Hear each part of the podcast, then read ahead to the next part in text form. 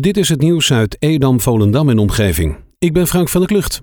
Het aantal coronabesmettingen in de regio Zaanstreek-Waterland is afgelopen weekend behoorlijk gestegen. Op zaterdag ging het aantal nieuwe meldingen door de signaalwaarde van 7 besmettingen per 100.000 inwoners heen.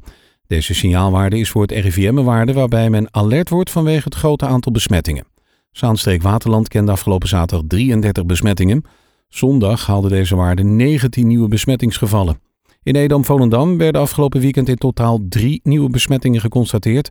De afgelopen weken zijn er geen ziekenhuisopnames geweest of overledenen. De vernieuwde operatiekamers van het Dijklander ziekenhuis in Purmerend zijn geopend. Het operatiecomplex is sinds afgelopen mei grondig verbouwd om patiënten nog beter te kunnen behandelen. De zes nieuwe operatiekamers zijn toegerust voor alle soorten ingrepen, maar worden vooral ingezet voor de minder complexe en veel voorkomende operaties. Denk hierbij aan star, liesbreuk, galblaasoperaties, maar ook ingrepen zoals bekkenbodem- en kijkoperaties. Het afgelopen jaar is het Dijklander ziekenhuis in Purmerend op veel plekken verbouwd, met onder andere het Scopiecentrum, een nieuwe centrale hal en een acute zorgunit. Momenteel worden zo'n 6750 bomen in de gemeente Edam-Volendam geïnspecteerd. Dit is de zogenaamde boomveiligheidscontrole. Gedurende twee maanden gaan opgeleide en gediplomeerde inspecteurs de bomen beoordelen op veiligheid. Ze letten daarbij onder andere op de aanwezige ziekte, aantastingen door schimmels of paddenstoelen, dood hout of andere risico's waarmee de veiligheid van de omgeving in het geding is. Afhankelijk van de situatie, leeftijd en gezondheid van de bomen wordt een boom jaarlijks of eens per drie of vijf jaar beoordeeld. GGD Zaanstreek Waterland heeft de coronateststraat in Purmerend verhuisd naar een andere locatie. Vanaf nu kunnen inwoners uit de regio bij de nieuwe locatie terecht op de burgemeester Kooimanweg. Met het oog op de koudere periode die in aantocht is, is de GGD op zoek gegaan naar een andere locatie. Deze heeft de GGD in samenwerking met de gemeente Purmerend gevonden op de Kooimanweg. Vanaf nu kunnen mensen voor de coronatest terecht in een voormalige Volkswagen Audi showroom. De nieuwe locatie biedt volgens de GGD ook meer mogelijkheden om het aantal testen uit te breiden. Ook in Purmerend worden de komende dagen slaapzakken ingezameld voor vluchtelingen van kamp Moordia. De zussen Paulien en Maaike Kloosterboer zetten alles op alles om 650 slaapzakken in te zamelen.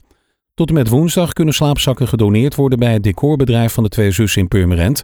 Naast het bedrijf van de zussen Kloosterboer is de koffiebakery in Haarlem het andere punt in Noord-Holland waar mensen hun slaapzakken heen kunnen brengen. Woningcorporatie Wooncompagnie in Purmerend heeft een opknapbeurt van bijna 100 woningen in de Purmerendse wijk Purmer Zuid afgerond. Het gaat om 95 woningen aan het Gaasterland, Kennemerland en Salland.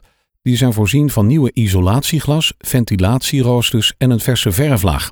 In de afgelopen maanden heeft Wooncompagnie in totaal 175 woningen in Purmerend opgeknapt. De provincie Noord-Holland wil meer bovenregionale cultuur- en sportieve evenementen in Noord-Holland een steuntje in de rug geven. Veel evenementen hebben te maken met extra maatregelen in verband met het coronavirus. Dit brengt extra kosten met zich mee en tegelijkertijd vallen soms ook inkomsten weg. Daarom wil de provincie Noord-Holland de komende maanden meer evenementen eenmalig sponsoren en heeft daarvoor een bedrag van 300.000 euro beschikbaar gesteld. In de raadsvergadering van aanstaande donderdag wordt gevraagd om een voorstel te steunen dat moet leiden tot het kindcentrum in de Broekgouw. Om het plan financierbaar te maken komen er 18 appartementen boven het centrum. Groepen vanuit de Maria Coretti, de Ark en het Speelhuisje zullen in het nieuwe centrum samenkomen. Het plan kost ruim 3 miljoen euro. Een bedrag dat over 40 jaar zal worden afgeschreven. Daarnaast zal een kleine 5 ton moeten worden uitgetrokken voor de aankoop van de grond. De 19-jarige Engelse Josh Flint sluit aan bij FC Volendam.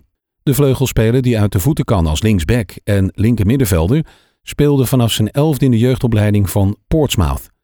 Afgelopen winter kwam er een einde aan dat hoofdstuk. Nu gaat Flint voor zijn kans bij FC Volendam. Hij sluit in eerste instantie aan bij Jong FC Volendam en maakte voor dat team afgelopen zaterdag zijn debuut tegen Rijnsburgse Boys. Flint wordt herenigd met Leon Meloni, met wie hij samenspeelde in de opleiding. Tot zover het nieuws uit Edam, Volendam en omgeving. Meer lokaal nieuws vindt u op de Love Kabelkrant, onze website of in de app.